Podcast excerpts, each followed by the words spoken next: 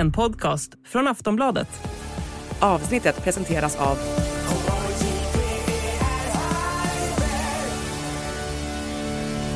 Stödlinjen.se, åldersgräns 18 år.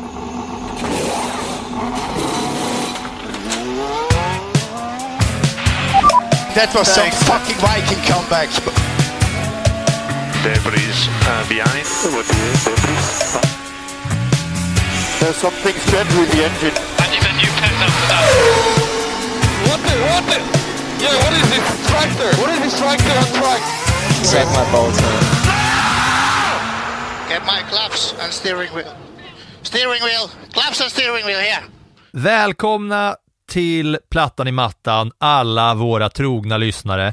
Och den här veckan, Anna, då måste vi också säga välkommen till kanske ett par tusen nya lyssnare efter förra veckans Hula Baloo, efter vårat avsnitt med racinglegendaren Kenny, numera även känd som sitt riktiga namn Senny Bräck. Det var en jävla åkning eh, efter det där avsnittet kom ut. Det trodde jag faktiskt inte. Ja, men det var väl lite roligt ändå. Eh, att vi eh, genom att prata egentligen med en sån eh, härlig racingfigur också kunde hitta någonting eh, nytt och annat att snacka om och få människor som kanske i vanliga fall inte lyssnar på eh, Plattan i mattan att ändå tycka att det är lite kul och få lite skönt racingsnack och en liten va? Ja, det var det som var, det var ju det som var grejen va. Och vi hoppas nu att eh, ni som kanske hängde kvar, för att jag vet ju att det var ganska, det var, det var, det hände grejer i, i siffrorna efter att eh, Aftonbladet körde ut den där eh, texten som, eh, som handlade om att Kenny Bräck på sitt pass inte heter Kenny Bräck med K utan att det står Sandy Bräck och vad han hetat som barn. Det var ju inte det vi liksom, det jag reagerade på mest under avsnittet. Visst, jag tyckte det var helt jävla otroligt intressant och kul. Men alltså jag var ju så här, jag gick ju igång på att eh, han berättade att de blev imponerade av mig för jag kunde backa med släp och det är ju inte, det är ju, det är ju inte alla som kan, särskilt inte om man är 12 år. Och jag tyckte det var roligt med historien om chips.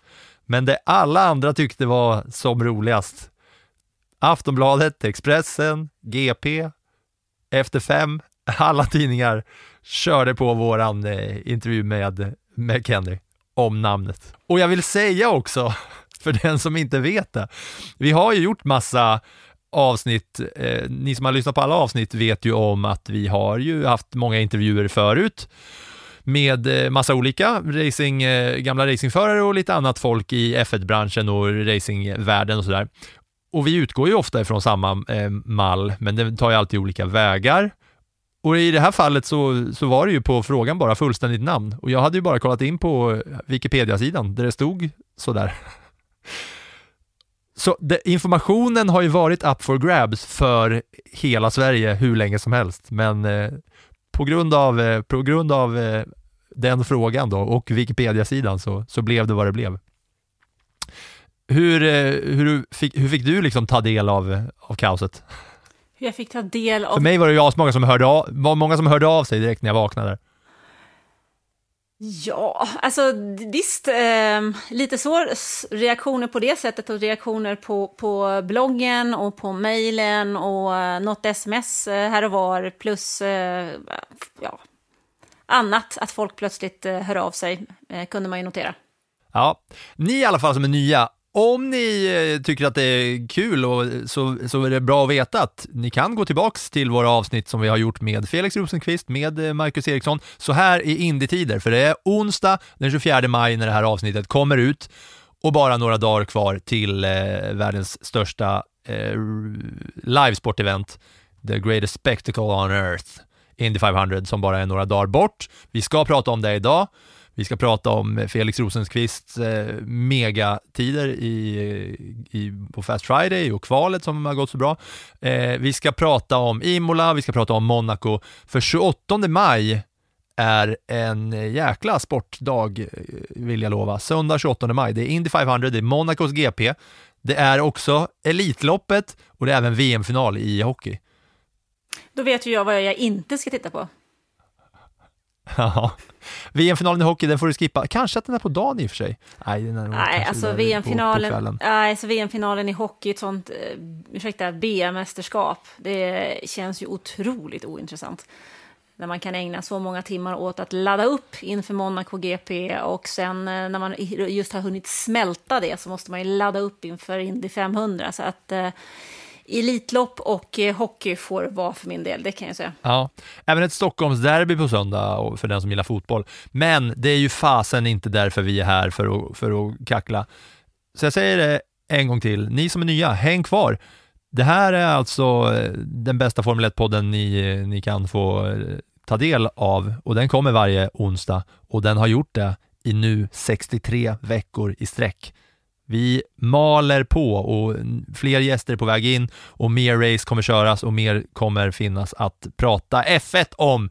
Och är du då ny på och har hittat hit för första gången och inte kanske visste om att den här podden ens fanns, då berätta det för dina polare, berätta det för dina syskon och släktingar eller de som du känner som gillar motorsport och framförallt då kanske Formel 1. Men vi måste ju börja där vi egentligen hade, var tänkta att snacka om, eller prata om det här avsnittet, Imolas Grand Prix. Ja, men det känns ju faktiskt som att vi, Som inte blev är, något ju, av. Ja, vi är ju mer konstanta än F1. För de ställer ju in race, men vi ställer ju inte in någon podd inte. Utan eh, vi Nej. kör ju på. Ja, det där var ju en eh, riktig skräll alltså. Det är ju helt rätt beslut. Eh, för att det var ju helt omöjligt att köra Formel 1 på Imola efter de regnmängder som föll över eh, Emilia Romana eh, regionen. Alltså det pratar om 500 millimeter regn på mellan 24 och 36 timmar och eh, under ett år regnar det annars 1000 millimeter på det stället. Så att de fick ju en halv årsmängd på bara några timmar. Eh, och det var 12 floder som svämmade över.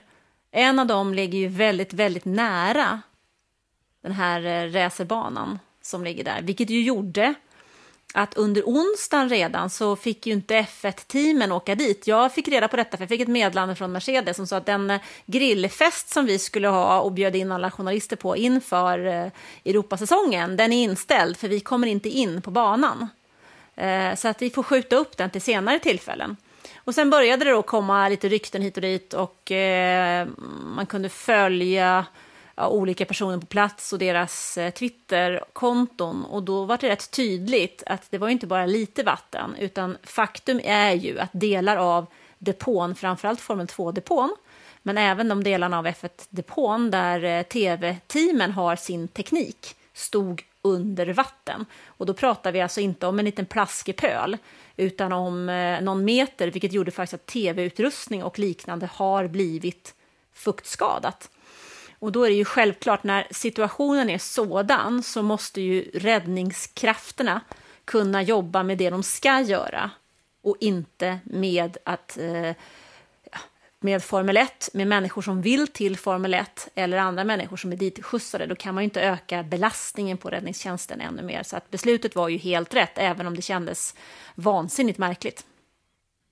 Ja, alltså, oavsett hur fungerande banan hade varit så var det ju rätt att eh, inte köra det där, även om det hade varit möjligt rent så här utan regn. För det är ju åtta döda, tusentals i den där regionen som blev evakuerade från sina hem och jag vet inte hur mycket förstört som helst av de där översvämningarna. Man såg ju liksom bilar som stod helt under vatten, folk som åkte runt i båt och liksom fick rädda varandra och, och hela den där regionen är ju liksom hårt drabbad. Så Jo. även om det hade funkat att köra så skulle man ju, så skulle man ju såklart inte göra det. Nej, men sen är inte det, det här är inte första översvämningen, utan redan när vi var i Miami för några veckor sedan så drabbades ju Faenza, där eh, Alfa, Alfa Tauri har sin fabrik, av översvämningar och eh, delar av deras, arbets, deras medarbetare hade ju problem med sina hem och det var ju bara i början av maj och sen kommer en sån här smäll till. Och Faenza och fabriken drabbades ju inte så hårt nu, men människor som jobbar där. Och vi fick ju se bilder på Yuki Tsunoda som var ute och, och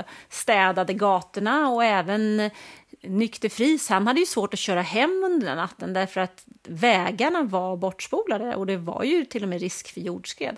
Han berättar ju om hur han eh, hamnade på ett hotell till slut. Det fanns inga, fanns inga rum, men en McLaren-mekaniker var schysst nog att lämna över så att du kan ta min säng.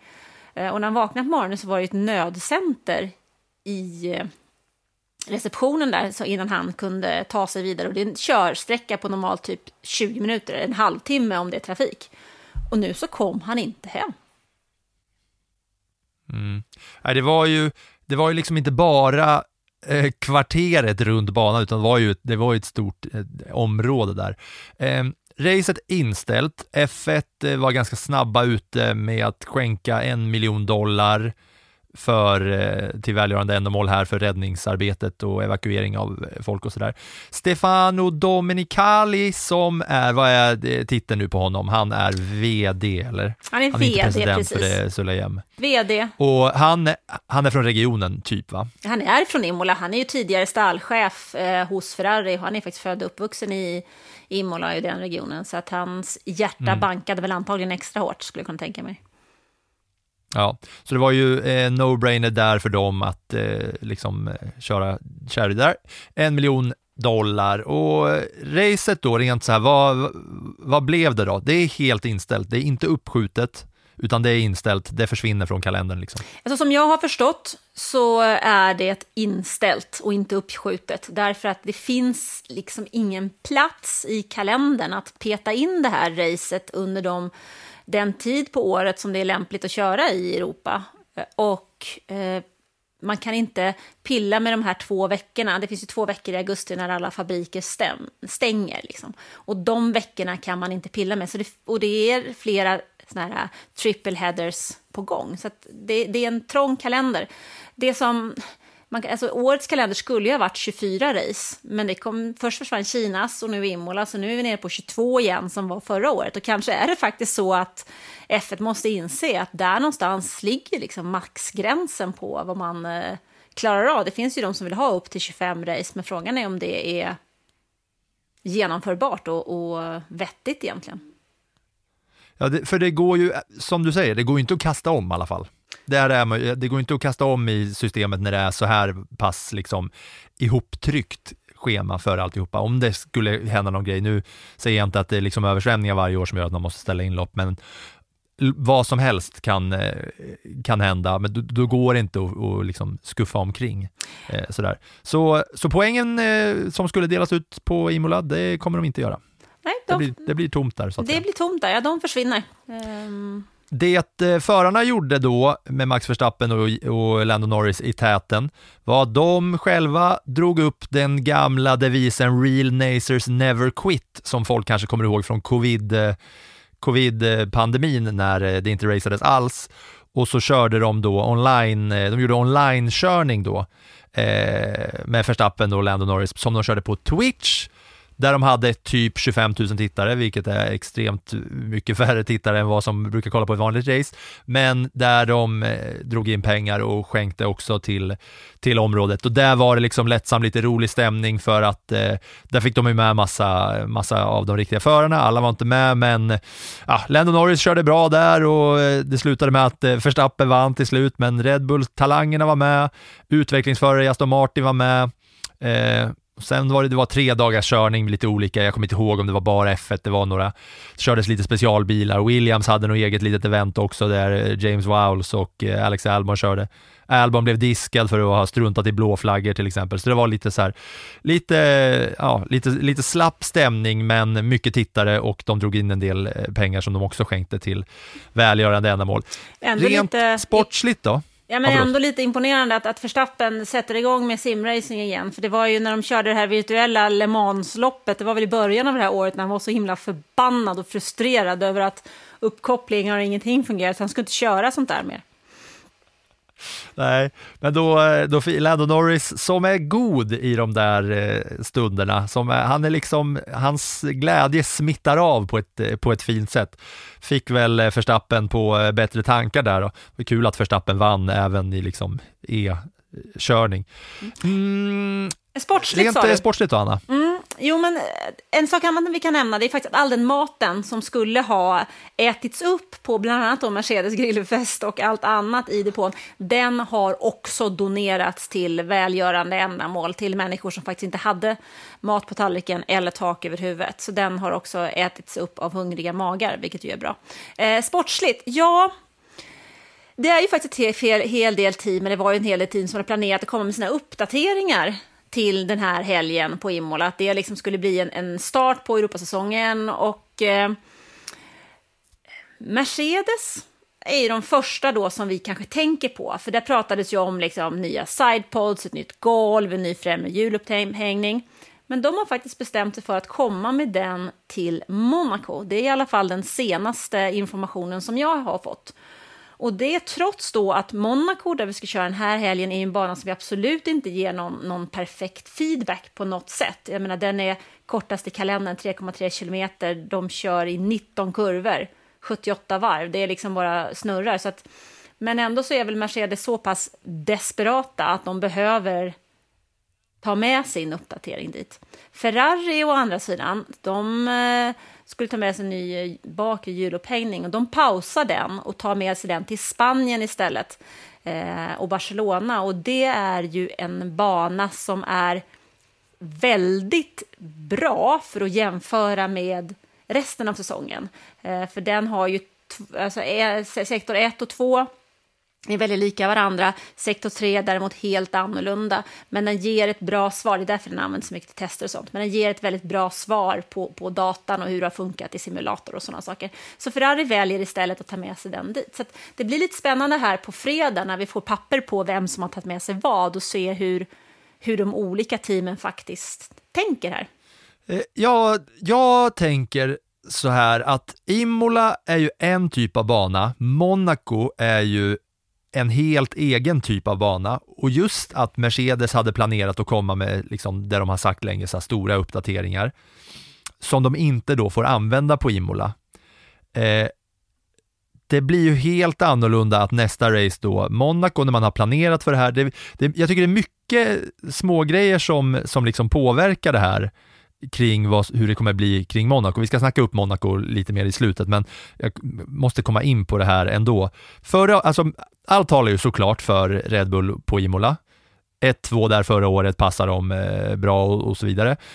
Eh, nu är det stadsbana nästa gång. Peres eh, vet vi, älskar stadsbanor. Eh, och kvalet där är superviktigt, det vet vi också, för att den som, det brukar vara så, den som kvalar bäst, eh, man brukar ha väldigt, väldigt få omkörningar i Monaco. Mm. Ferrari heter, och Aston Martin. Om man nu inte heter Charles Leclerc, för då spelar det ingen roll hur ja, man kvalar, för det hjälper ju inte i alla fall.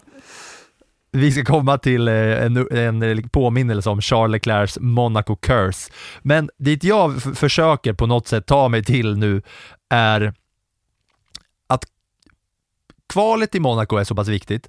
Det har ju inte varit så att Red Bull har varit överlägsna i alla kval på samma sätt som de varit överlägsna i racen, utan både Ferrari och Aston Martin har ju varit ganska nära Red Bull i kval än så länge, vilket jag tycker gör att Monaco kommer bli extra intressant nu, för att här kanske vi då för första gången kan få se en bil på riktigt utmana Red Bull just för att kvalar man bäst så är det så få ställen att köra om. Till skillnad från de här andra snabba banorna där Red Bull bara liksom kan hantera däcken på bästa sätt och bara gasa på och sen vinna med liksom 45 sekunders försprång till eh, nästa bil. Så ja, jag tänker att det som, eh, liksom, möjligheterna finns för den som vinner kvalet att vinna Monaco och det finns chans att det inte är en Red Bull-bil, men det finns ju ingen chans att det är Charles Leclerc. Nej, jag skulle snarare säga att eh, Fernando Alonso är ett litet eh, hemligt tips den här veckan, om man nu får för sig att spela någonstans. Så jag vet inte varför, men jag, någonstans, han har inte vunnit. Och om man spelar någonstans så gör man det på Hyper, ska vi säga, våra vänner på Hyper, som vi också kommer prata mer om, för att det finns en rolig tävling och utlottning som är live på Sportbladet eh, från och med nu, men det ska ni få höra mer om och det kommer, fortsätt lyssna det här avsnittet. Förlåt att jag avbröt dig, men spelar man spelar man på Hyper på eh, Formel 1. Vill, vill, du veta vart du var, vill du veta vart du var på väg? Du var på väg att ah, Fernando Alonso? Um, nej, men ett hemligt, jag kan, kan nog känna att Alonso kan nog eh, vara ett kul eh, namn den här helgen. Ska, jag blir väldigt spänd för att se, han har inte vunnit sedan 2013 när han tävlar för Ferrari. Ehm, men det där känns som att det och även Spaniens GP som kommer nästa vecka kan vara en eh, banor som passar honom. Men en sak till när det gäller Imola som jag faktiskt vill ta upp. Eh, och det gick vi inte in på inför tävlingen eftersom vi hade ett Indycar eh, Indycar special där med Kenny Bräck. Och det är ju så att det skulle ju ha varit ett specialkval faktiskt på Imola. Som, där F1 skulle testat ett helt nytt koncept med 11 set däck istället för 13. Och det här gör man för att man vill göra sporten mer hållbar. Det är ganska många däck som försvinner som man inte måste tillverka om man nu drar ner på antalet sätt. Och tanken var då att man skulle kört i Q1 med hårda däck, Q2 med medium och Q1 med soft. Och det här flyttas nu då till Ungern där man skulle kört ett andra test med de här däcken. Och sen är den stora frågan, kommer det bli ett andra test eller blir det bara Ungern? Ja, det får vi lite se, för att i det sportsliga reglementet så står det faktiskt att det ska testas på upp till två tävlingshelger. Så att där kan ju bli så att Pirelli blir av med ett däckstest på grund av detta. Vet du hur de här däcktesterna går till? Alltså är det under träningen som Nej, man liksom testa, tvingar på de skulle teamen? Använda, använt dem i kvalet. Kvalet skulle ha varit ett däcktest. Där du körde Q3, mm. eller nej förlåt, Q1 med hårda däck, Q2 med mjuka och Q... Nej, nu är jag ju helt vimsig. Q Ja, men det är okej okay, för att det är vimsigt. Det är vimsigt. Jag tycker att det bara är så konstigt att det här inte är bestämt innan säsongen på samma sätt som att man kommer med liksom besked om hur sprintupplägget ska vara i Azerbajdzjan bara några dagar innan.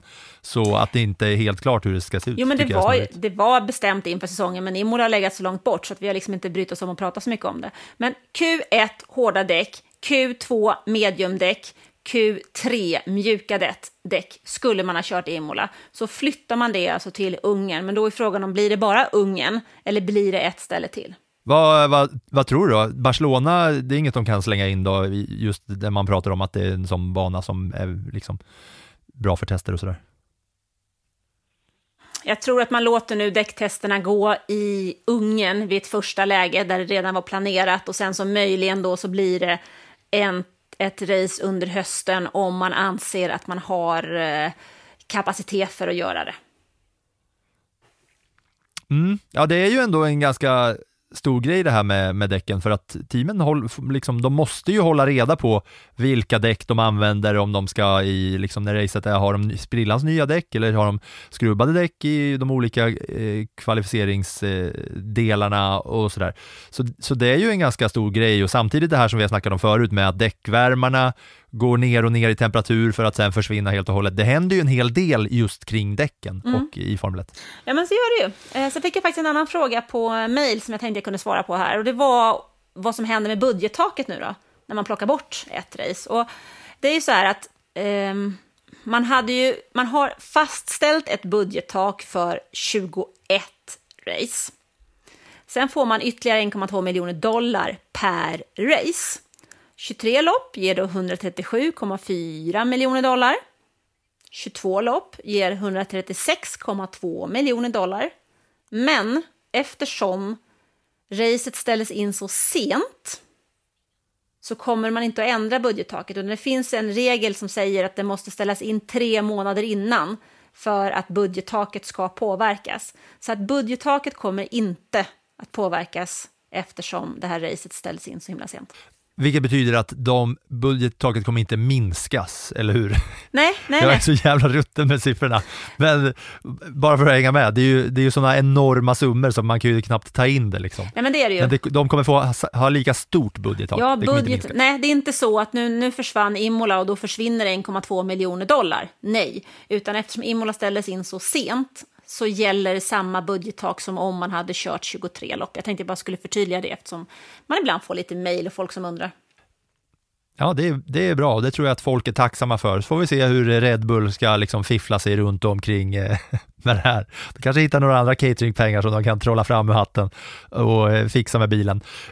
Imola kan vi kanske lämna därhän nu då och eh, det är ju eh, mer än ett år kvar tills vi kommer att prata Imola igen då, eh, gissar jag på innan vi då pratar om Monaco som vi redan har varit inne och nosa på, så har det ändå mellan då det här racet som skulle köras och dags datum hänt en hel del. Det, har varit, det finns lite F1-silly att prata om. Jag vaknade ju upp själv till en dag när jag såg att du hade skrivit nyheter om Hamilton till exempel. Mm. Ja, men det är ju det är ju dags att snacka på något sätt. Va? Det är ju så att det finns ju flera platser som är fasta i Formel 1, för de har långa kontrakt. Eh, Verstappen är en sån. Eh, Sergio Perez har också kontrakt över nästa år. Båda förarna i Ferrari har faktiskt det. Där har Ferrari valt att eh, ha kontrakt över 2024 på båda förarna. Eh, Landon Norris har kontrakt, Alonso har kontrakt, men Lewis Hamiltons kontrakt går ut. Och det gör ju att det börjar att snackas. Och det sägs ju nu från engelskt håll, det var Daily Mail som eh, menar på att Ferraris president redan har kontaktat Hamilton och har då en gigantisk lön, typ en halv miljard kronor att lägga på bordet för att Hamilton eh, ska byta från Mercedes.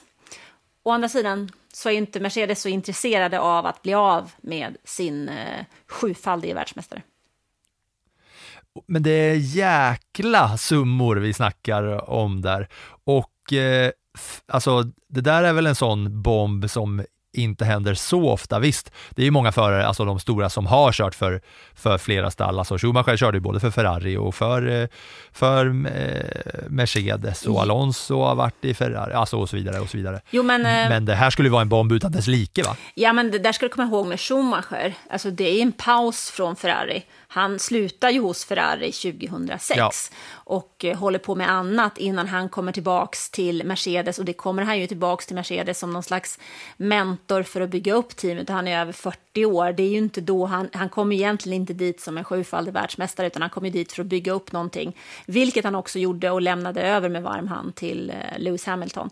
Um, Fernando men, men ändå en sån grej som man blir chockad av att se, alltså det, det, är liksom svårt för ögat att skicka upp signaler till hjärnan att det här är på riktigt.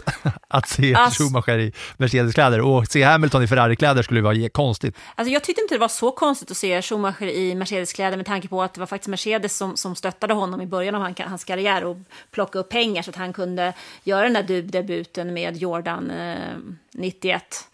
Eh, och sen ta sig vidare till eh, Benetton. Så den tyckte jag inte var så konstig. Men Hamilton i rött känns jättemärkligt alltså. Det var nästan som Sebastian, mm. fast Sebastian Vettel i rött kände också, känns också jättekonstigt. Han var ju supertjur, liksom, blå och gul och österrikisk. Ja, ja eh, det, men det, det, som finns på bordet nu är liksom det är typ rykten om det och folk, men, men liksom Toto Wolf har ändå varit ute och, och snackat, han har snackat med ISBN och sagt så här om, om just förhandlingen med Hamilton, att så här, det är extremt obekvämt. Var tredje år har vi den här situationen, bla bla bla. Det, det är som att förhandla ekonomiska villkor med din bästa vän, nära vän. Eh, positionen som vi är i så är det väldigt, väldigt konstigt att prata om sådana här ekonomiska förutsättningar med just Lewis och så har de, pratar han om att de har någon ekonomisk förhandlare som är liksom partnern där, bla bla bla. Eh, Toto Wolf har dock ingen panik och sådär, säger han vidare till ISPN. Han är övertygad såklart eh, att han måste vara, att det här kommer gå i lås och, och, verkligen så slå ner på de här Ferrari-ryktena. Men det är ju ändå dignitet i, i ryktena, måste man ju säga. Sen har det ju också snackats om att Leclerc ska eh, förlänga kontraktet med Ferrari och det är ju lite kontraproduktivt om det är så att eh, någonting stämmer med Lewis Hamilton. Så lite F1 silly ändå. Har, har du något att säga om Leclercs påstådda förlängning? Det beror lite på vad Ferrari vill. Alltså, man måste ju också komma ihåg att, att eh, han, Leclerc, han har ju varit en del av Ferrari ungefär lika länge som Max Verstappen har varit en del av Red Bull. Han har alltid varit Ferrari-förare. Han var ju Ferrari-förare när han var teamkollega till Marcus Ericsson hos Alfa Romeo. Det var Ferrari som placerade honom där. Han är Ferrari. Liksom, så som det ser ut idag. Så att man skulle välja att förlänga med honom i en kombination med Lewis Hamilton, ja, varför inte? För samtidigt så är ju Carlos Sainz, han är ju Red Bull-förare i grund och botten han har ju varit ute och vandrat på flera ställen. Han har ju kört för, för eh, Toro Rosso, han har kört för Renault, han har kört för McLaren innan han hamnade hos Ferrari. Och han har ju å andra sidan nämnts som en möjlig förare för det framtida Audi-teamet eftersom hans pappa eh, som kör Rally Dakar numera och tidigare var en mycket framgångsrik förare i rally-VM också är... Den riktiga Carlos Sainz. Precis, han är, och han är ju djupt knuten till Audi. Så att, um, ja, um, det är svårt Det att finns säga. ingen deadline day i F1 på samma sätt som det finns i fotbollsvärlden, att det alltid är sista januari, sista augusti, utan här är det lite öppet hus när man eh, får fiffla på, man, men eh, det pågår liksom både i eh, säsongsuppehåll och eh, under säsong. Du har väl eh, lärt dig under det här året som vi har hållit på att i F1 är ingenting skrivet i sten och är det skrivet i sten så kan man flytta på den stenen.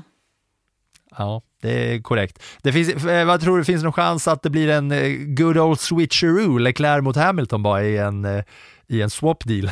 Swap deal. Det älskar man i fotbollsvärlden. Ja, jag, jag, jag vet inte, men som jag känner nu, men nu är vi ju i maj, så känns det ju inte som att Leclerc som sitter på ett kontrakt till och med 2024 är Mercedes material. Alltså det som Ferrari vill ha av Hamilton är ju hans engagemang, hans, hans vilja att hela tiden bli bättre, hans sätt att driva ett team framåt. För det är väl lite det som de saknar ehm, och har saknat under en lång period. Alltså de har saknat en härförare egentligen och det har ju nästan saknats sedan Michael Schumacher lämnade den tydliga och det är väl den biten de försöker då att kanske hitta via Lewis Hamilton och alla, så hallå, vilken förare drömmer inte om att en gång köra för Ferrari? Det är ju så att Ferrari är ju F1 och F1 är Ferrari. De kanske är sugna på Lewis Hamiltons 32,4 miljoner följare på Instagram också. Kan vara så, men frågan är om Lewis Hamilton är speciellt intresserad av att, fa- eh, att kliva in i en Ferrari-mall där han ska vara klädd i rött.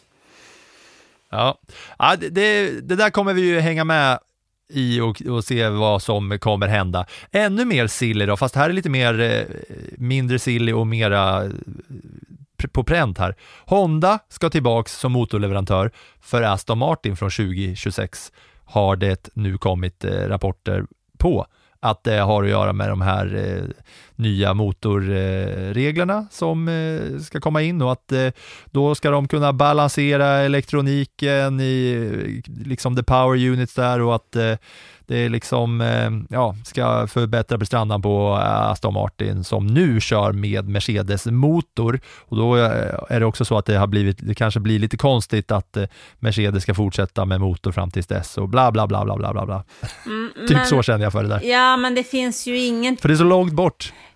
Ja, och helt bekräftat är det ju inte, utan det sägs ju att de är väldigt, väldigt nära ett samarbete. Och vi som eh, lyssnade på förra året vet ju hur väldigt nära Red Bull var ett samarbete med Porsche och nu ska de köra med Ford från 2026. Så att väldigt nära kan ju också vara ett avtal du stoppar i, i byrålådan. För idag så är det ju så, måste man också komma ihåg, att Aston Martin, Aston Martin köper ju inte bara motorn av Mercedes, utan de köper ju andra delar också. Hela bakvagnen i bilen är ju i stort sett densamma. Plus att de kör i Mercedes simulator. De hyr in sig där när Mercedes själva inte använder den där simulatorn. Och ska vi komma ihåg, Toto Wolff äger ju delar av eh, eh, Aston Martin bil, alltså den vanliga biltillverkaren då. Eh, så att de har ju också en massa connections. Så Det kan ju också vara så att man vill ha ut någonting mer av Mercedes och därför sätter den här eh, pressen på Mercedes genom att eh, förhandla med Honda. Mm. Ja, det där kommer vi ju också få fortsätta följa, men det, händer, det kommer ju hända massa mer grejer kring just det där med motorreglementet 2026. Som du säger, Ford ska in, Audi ska in, ska nu även Honda liksom eh, tillbaka där på något sätt. Eh, Men det är lite vad som har hänt eh, mittemellan alltihopa. Ska vi snacka lite mer om Monaco, kanske?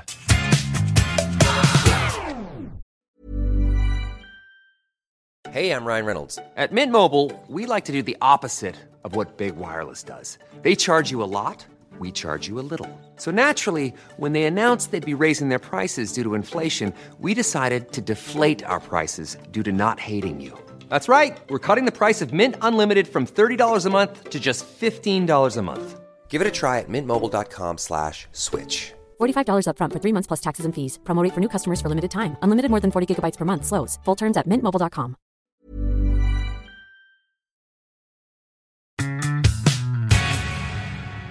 Det kan vi väl göra, tycker jag. Monaco GP är ju alltid, tycker jag, en höjdare. Kanske inte alltid för det som händer på banan, men för allting det runt omkring. Det är ju en klassiker där ett glasspapper kan förstöra en eftermiddag, känns det som.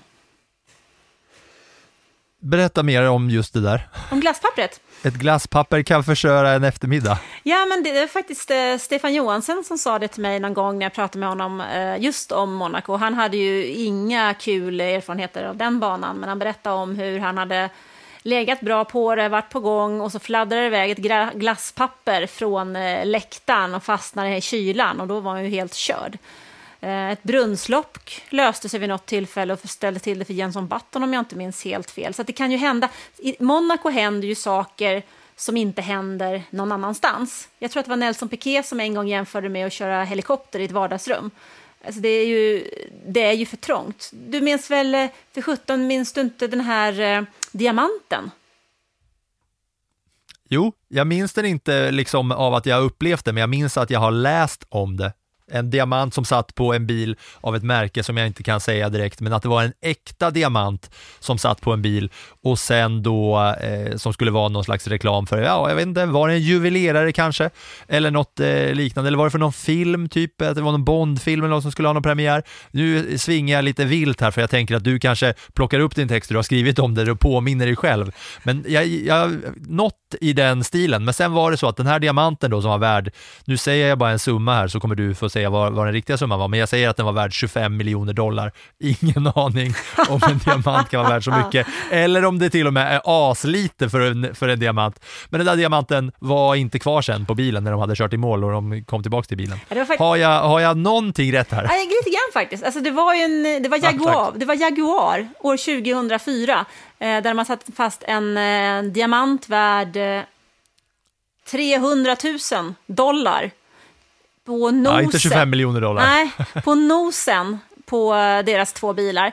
Men eh, Christian Klin från Österrike, han eh, kraschade ju redan på varv ett. Och den där eh, diamanten är det fortfarande ingen som har hittat.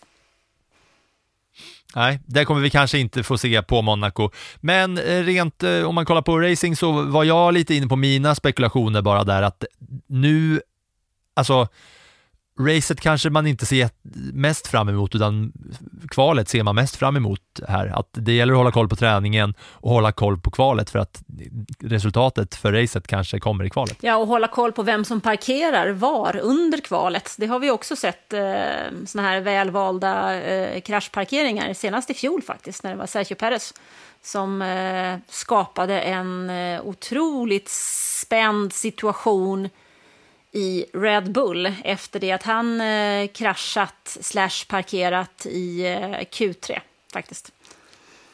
Ja, precis innan tunneln där då Carlos Sainz kommer direkt efter och efter honom kommer Verstappen som gör ett snabbt varv och blir vansinnig och så pass sur och ledsen så att han många månader senare inte har släppt det där och skiter i att släppa förbi Perez trots team orders i Brasilien. Precis. Och det var stelt som satan i det där eh, teamet där och då. Så det blir ju spännande om eh, Perez vågar köra sitt bästa, tänker man nästan.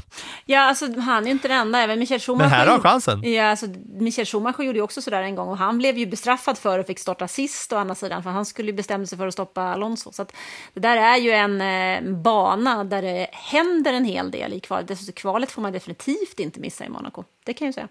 Ja, och kvalet körs på lördagen. Yes. Ehm, sen är det så här också att eh, det som har varit snack om Monacos förlängning av ett kontrakt med Formel 1 eh, har ju varit dels på grund av att Monaco själva har producerat tv-bilderna.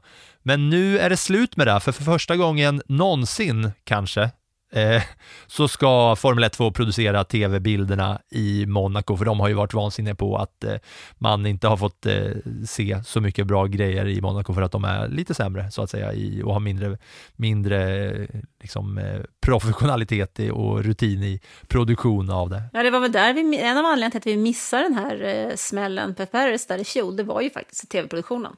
Ja, och sen var det också så här att, jag vet inte hur många omkörningar det var där förra året, eh, men det var ju inte skitmånga, men de omkörningarna som, som blev av, de fick man inte se så många av för att tv-produktionen inte liksom eh, var helt med i matchen. Men nu är det ändring på det här, för nu ska F1 producera själva och sen är det No More Landstroll Moments det är för att det var förra året när det var superspännande på ett ställe så valde produktionen att visa när Lance Stroll körde fel istället så man missade typ den enda spännande omkörningen under hela racet. Det var ganska roliga komment kommentarer på det från kommentatorerna. Det lät så här.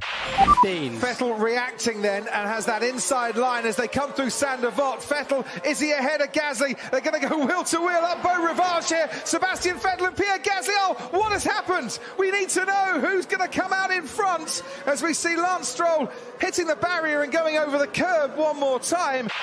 Men eh, det är ju inte Rolex-reklam eh, den här gången heller, utan det är väl Tag Heuer. Nej, Tag Heuer. Ta, säger det på tyska? Hur säger man? Tag Heuer. Tag Heuer. Ja, så ja. Det är väl fortfarande. Det, vi kommer inte få se Rolex-reklam, vilket är en annan del av det där eh, bråket då, mellan Monaco och Formel 1 själva. Väderprognosen då, Monaco? Jo, se på fan, det vankas regn varje dag. Ja, det var det ju då i fjol också som ställde till det med det där strömavbrottet i början av eh, racet som gjorde att de inte ens kunde starta. Så att, eh, och vi hade regn eh, på Imola i enorma mängder. Eh, mm, Monaco ligger ju också precis efter den här bergskanten så regnar det regnar ordentligt. Så det blir väl spännande, men nu är vi ändå mitt i veckan. Det kan ju hända en hel del i prognoserna framöver, men Spännande. Ja, det är klart det kan. Men, men nu när vi sitter här och spelar in på tisdagen, avsnittet kommer ut på onsdagen, så är väderprognosen 23 grader spöregn på torsdagen, 23 grader spöregn på fredagen, 22 grader spöregn på lördagen och söndagen 22 grader spöregn och blixtar. Mm efter att då kommit från ett inställt eh, Imola och förra året Monaco i regn. Ja, det känns ju som att eh, man får ju hoppas att vi får runt det där loppet i tid innan det är dags för Indy 500. Mm. Och dit ska vi snart komma också, men bara innan så vill jag eh, att vi bara påminner varandra om Charles Leclerc, Monegasken himself, på sina gator där han har växt upp och lekt omkring bland eh, de rikaste människorna i Europa. Så är det alltså. När han körde där 2017 i Formel 2 Did not finish på grund av fjädringsfel. 2017, samma, de körde två race där, F2. Då var det andra racet, did not finish på grund av ett elfel. 2018 så körde han Formel 1, did not finish på grund av bromsfel. 2019 i Formel 1, did not finish på grund av punka och skada på bilen. 2021, kom inte ens till start på grund av kvalkrasch, så var det va?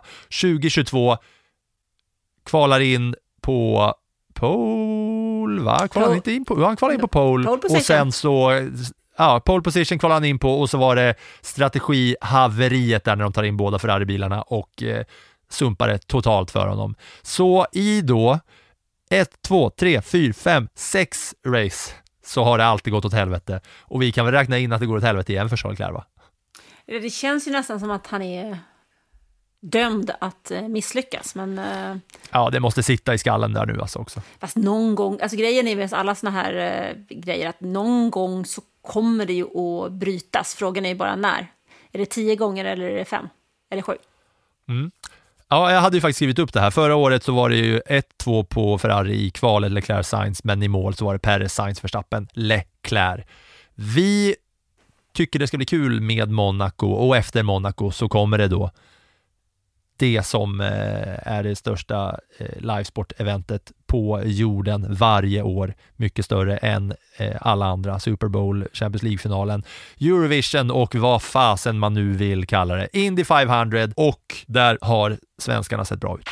One more corner to go for Felix. Man, he was in the conversation in the Indy 500 last year. Make no mistake about it. And Felix Rosenquist for Arrow McLaren. The Swedish driver is going all the way to the top. He's got his teammate there to beat. Day one of qualifying. Rosenquist to the top with authority. Alltså framförallt har ju Felix Rosenqvist sett oerhört bra ut. Han var snabbast på Fast Friday, tredje snabbast någonsin var han väl under helgen här va? Och i kvalet så var han ju ännu snabbare i den, i den um, det kvalet som vi, det är ett tredelat kval men körs på två dagar. Där drog han ju till med den näst snabbaste tiden någonsin. Men sen när det kom till de här Fast Six då, de sista, så fick han inte riktigt till det på samma sätt. Han eh, var något långsammare under det första av de här fyra varven som man kör och kollar medelhastigheten på. Så han tappade lite i början, men det var ju otroligt jämnt i starten. Och vi har honom i första startled. Startposition 3. Kan inte du berätta bara hur, för det har varit pratats lite om just det här kvalet, att så här, jag har sett på mycket forum så här bara, eh, ja men med Monaco och bla bla bla och att kvalet är så mycket som avgör. Eh, skulle man kanske testa att göra som Indy där och bla bla bla. Kan inte du bara berätta hur kvalet går till, för det är ju annorlunda. Ja men det är det absolut. Alltså Indycar, Indy 500 är ju egentligen någonting som byggs upp under två veckor. Alltså de tränar ju hur mycket som helst. Det är väl det enda loppet egentligen, de har knappt behöver köra någon simulator, för de har så otroligt mycket tid på banan. Men det går till så att man startar med det här som kallas för Fast Friday och det är den sista träningen. Och där kan man få en bra känsla när man kikar på vilka som är snabbast i kvalet. Och sen när kvalet börjar så kör man då eh, två uppvärmningsvarv och fyra stycken snabba varv. Och så mäts tiden på genomsnittshastigheten under de här fyra snabba varven. Och sen har man då ett försök, men det finns två olika spår som man kan välja på i depån, för, för kvalet pågår ju under flera, flera timmar. Och om man då väljer att ställa sig i den prioriterade första linen så stryker man den tid man har kört så får man chansen att köra en ny. Eller kan man ställa sig i den här äh, nummer två då och, och vänta på sin tur och få köra ett varv till. Men då är det så att när man har då kört de här fyra varven under lördagen så går de tolv första vidare till ytterligare ett kval dag två. Och de sista efter plats 30, alltså 30, plats 31, 32, 33. Och alla efter det, om det nu är fler. För det är bara 33 förare som får lov att starta i Indy 500. 11 led med tre förare varje. Och så på söndagen så har man dels då det här första topp 12. Då kör de igen, samma procedur, men man börjar med den som varit, varit långsammast av de här 12 första på dagen innan. Två uppvärmningsvarv, fyra snabba varv. Bara rätt av, en chans. Därefter går topp 6 vidare och får göra samma sak en gång till. Samtidigt så gör, kör man någon sån här last chance qualifying för de sista tre platserna också då, som man ser. Nu var det bara 34 stycken med, så det var en som inte kvalade, kvalade in. Då. Men så går det till. Det är, ett, det är en jätteprocedur och sen är det en hel veckas ledighet till racet. Så den veckan, liksom, där får de träna igen, för då handlar det om att i kvalet så kör du ju ensam på banan, helt utan trafik. Och sista veckan går då åt att köra i trafik och ställa om sin bil så att den klarar av att köra 200 varv, 500 miles, vilket är typ 80 mil, under tre timmar på söndagen. Och där kan man räkna med att det är mellan 5 och 10 depåstopp. Ehm, det, tävlingen kan ta runt cirka tre timmar och man måste vara med efter 30 varv. Man måste vara med efter 130 varv och man måste liksom vara med även när det är åtta varv kvar. Felix Rosenqvist tappar väl segern i depån. När kan det ha varit då? Kan det ha varit eh, 2021 va? Och då var det väl typ åtta varv kvar och i fjol var det väl fem varv kvar när eh, Jimmy Johnson kraschade och Marcus Eriksson mycket väl kunde ha tappat segern. Jag vill bara börja med att applådera för eh, genomgången av det där extremt snurriga och kvalformatet. För att det känns som att man måste sitta med papper och penna och anteckna hur det där går till för att hänga med. Men jag tittade på dig, du satt utan anteckningar och bara kollade på fingrarna och räknade upp där. Det är otroligt. Det är, för det är, det är inte bara så här, ja, Q1, Q2, Q3, det är, det är snurrigt. Men det gjorde du bra. Eh, ska man ha mest förhoppningar på regerande mästaren Marcus Eriksson från Sverige eller ska man ha mest förhoppningar på den kvalsnabbe Felix Rosenqvist från Sverige? Alltså Felix Rosenqvist eh, har ju en bra startposition i första led. Han har en McLaren och McLaren var väldigt bra i det här kvalet. Eh, mm. Så att den bilen känns ju snabb. Det som talar till hans nackdel är ju att han inte har tagit någon pallplats i Indy 500 tidigare, men han var faktiskt fyra i fjol. Det är så himla lätt att glömma bort. Han var fyra i fjol när Marcus vann. Det var en svensk på plats ett och en på plats fyra. Plus att han ledde länge året innan.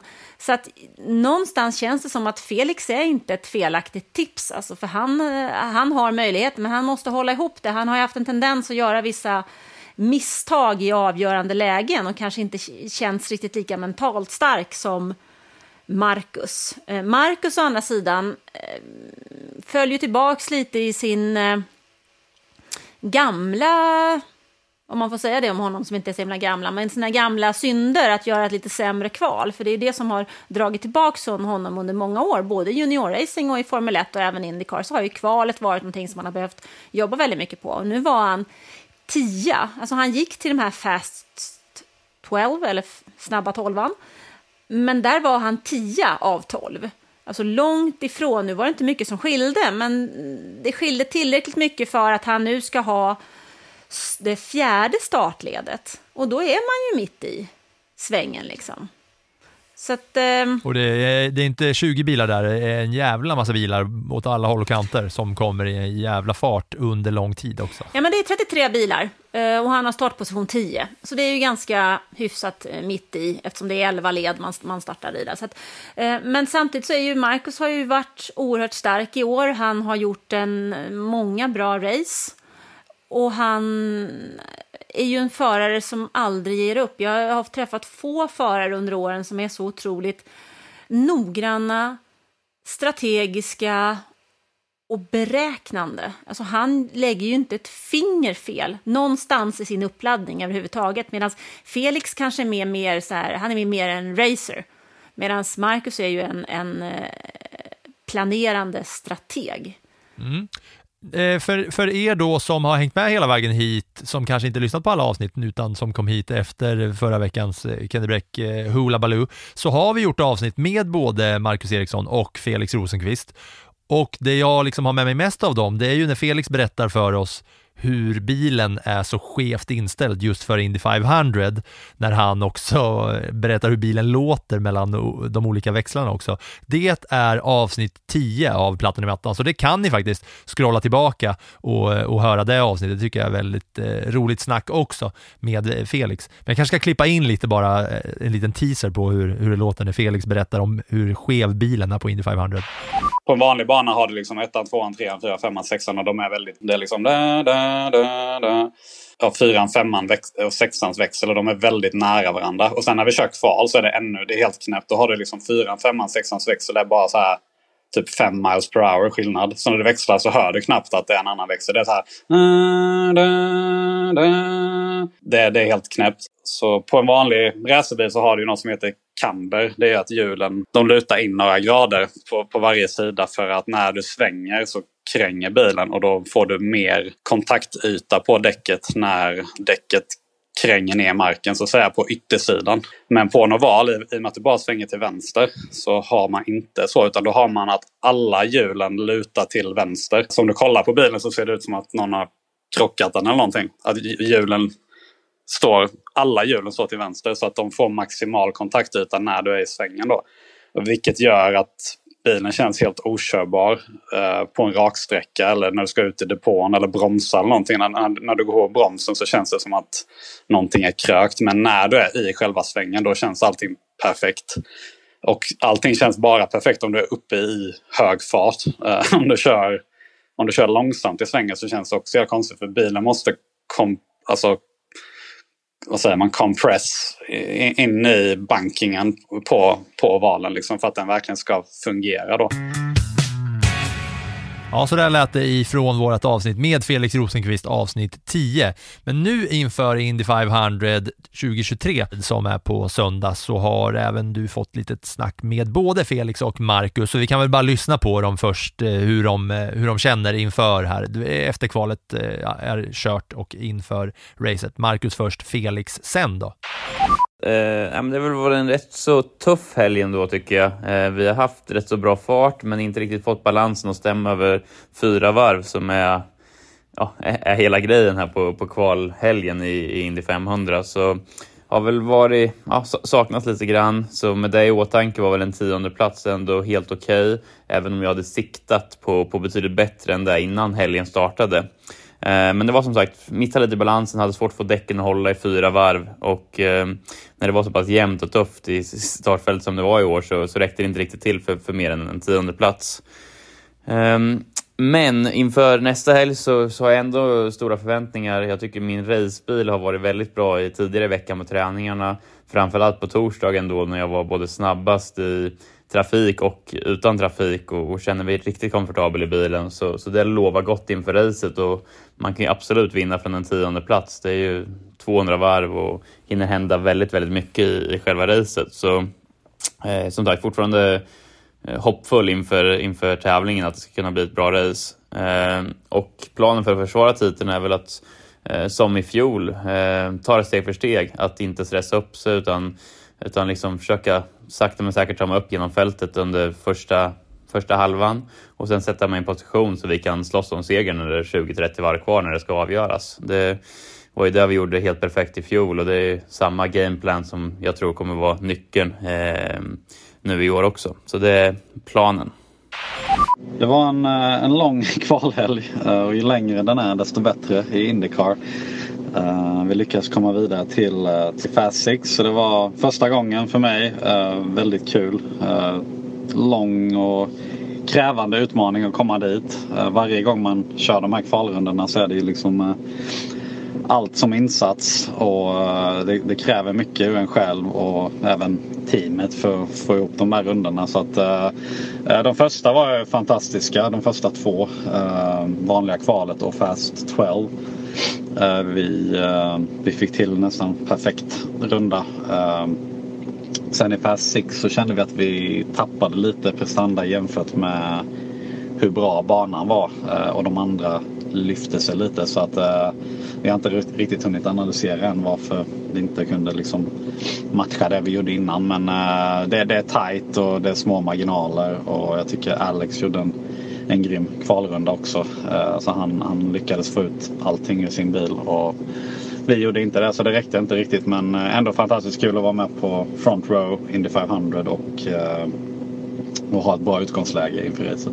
Det är inget snack om att jag går in i detta racet med bästa förutsättningarna jag, jag har haft eh, någonsin. Eh, jag tycker att våran både kvalbil och racebil känns bättre än någonsin. Eh, jag jobbar väldigt bra med min ingenjör Chris just nu. Eh, känner att jag har mer erfarenhet. Eh, och efter förra året så hade jag ju liksom jag fick ändå smaka på hur det kändes att liksom leda racet och vara med framme i, i topp tre största delarna av racet och, och, och slåss. Och vilket, vad som krävs liksom av pitstop, pit out, eh, utvarv, invarv, och hela den biten för att kunna liksom vara med och tampas där framme. Så att jag, jag känner att jag har liksom en, en jättebra bas och känsla in i racet. Uh, sen det sagt så ska man fortfarande få till så bilen känns helt rätt på racedagen och den, den, den, lever ju sitt egna liv under den här månaden. Vissa dagar så känner man att det är perfekt och vissa dagar är det tuffare och det beror på eh, väder och vind och, och, olika saker som händer. Eh, banan förändras hela tiden och det blir tuffare och tuffare för varje dag i och med att folk eh, hittar mer i sina bilar. Så att det, det, det är verkligen nu det gäller att, att, hitta det mesta här sista, sista träningen på fredag. Och sen eh, när man rullar in i racet så gäller det att det man har påskruvat då är det som är mm, bättre än någon annan helt enkelt och att man, man har bättre känsla än de andra. Uh, och så måste man göra 10 av 10 race och, och, och, resten är ju faktiskt inte upp till en själv utan det kan ju vara både tur och otur med gulflaggor och, och andra grejer. Men uh, kan man vara där och göra en, en 10 av 10 insats och ha rätt materiella och mentala förutsättningar så har man en chans att vinna. Och innan vi bara eh, ska avsluta det här avsnittet så vill jag också säga att inför Indy 500 så har faktiskt jag varit iväg och eh, testat köra simulator på ett ställe i Stockholm som heter eh, V-Racing som är ett extremt coolt ställe om man gillar, om man gillar motorsport, om man gillar Formel 1 och om man gillar racing och om man kanske gillar att köra racingspel.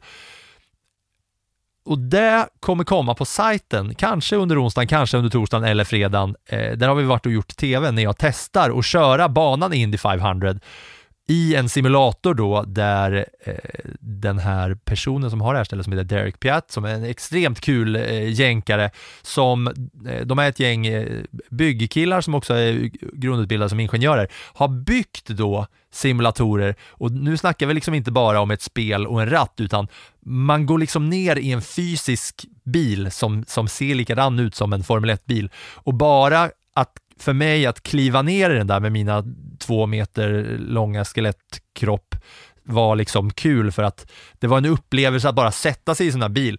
Då ser man då, då är det gigantiska skärmar och det är så nära liksom en riktig upplevelse man kan komma. Ratten har de byggt själva, de har byggt hydrauliken och allt det här. Så när man svänger så rör sig bilen, kraschar man så blir det liksom så kopplar hjärnan till din kropp att det här är läskigt för att det går fort. Jag, kör, jag kom upp i 366, 368 eh, kanske jag körde i på eh, Indy 500-banan.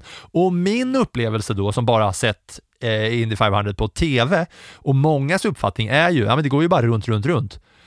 Men alltså, ja, jag tänkte inför, ja men det är visst, man kan ha lite fart och så är det vänstersväng på vänstersväng. Men det är ju typ 7, 8, 9 olika svängar. Den är ju inte bara runt, runt, runt, var min upplevelse efter att jag hade varit där. Eh, så det kan ni kolla på, det kommer komma på sajten eh, inför Indy 500 och jag kan också rekommendera er att kolla upp det där. V-Racing eh, heter det. En jäkla cool upplevelse. Har du kört simulator någon gång, Anna? Eller? har eller har du ens kört racingspel någon gång? Vadå, bortsett från Mario Kart eller? Ja, men Mario Kart, det har vi, det har vi snackat om. Där Jo, kan vi men nog det- ge varandra en match. Det har jag gjort. Eh, Jag har kört simulator och jag har också åkt med i simulator. Eh, Och då blev jag fan i mig illamående. Mm.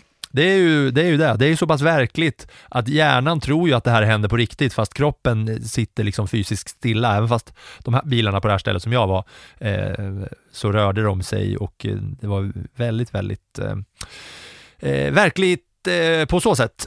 Mm. Nu är vi väl redo för både Monaco och Indy 500 va? Det tycker jag, bortsett från en sak som jag nu inte vill att någon ska missa. Vårt F1-quiz. Det får vi ju inte missa. Jag har ju suttit och knåpat och knepat här för att hitta frågor faktiskt. Hey, I'm Ryan Reynolds. Recently, I asked Mint Mobile's legal team if big wireless companies are allowed to raise prices due to inflation. They said yes. And then when I asked if raising prices technically violates those onerous two year contracts, they said, What the f are you talking about, you insane Hollywood ass? So to recap, we're cutting the price of Mint Unlimited from $30 a month to just $15 a month. Give it a try at mintmobile.com slash switch. $45 upfront for three months plus taxes and fees. Promo for new customers for limited time. Unlimited more than 40 gigabytes per month. Slows. Full terms at mintmobile.com.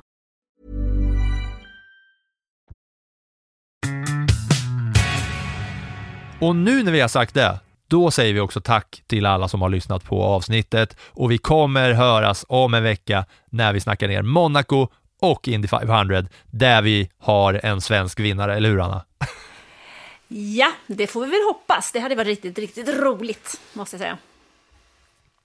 Hur eh, laddar du upp för Indy 500 då? Hur kommer du sitta och kolla eh, på det där? Kör du American eh, Snack Buffé och hela faderullan? Nej, men jag kommer ju följa hela racet. Det gör jag, för jag måste ju vara redo att skriva text på slutsignal, höll jag på att säga, men på målgång, såklart.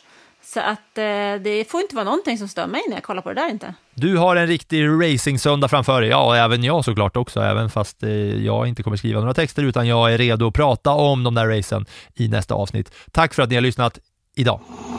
Tack, tack.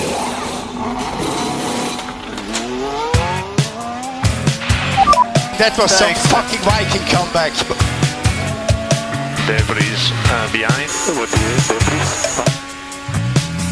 There's something strange with the engine. I need a new pet after that. What the, what the? Yeah, what is this tractor? What is this tractor on track? Check my bolting. Get my claps and steering wheel. Steering wheel. Claps and steering wheel here.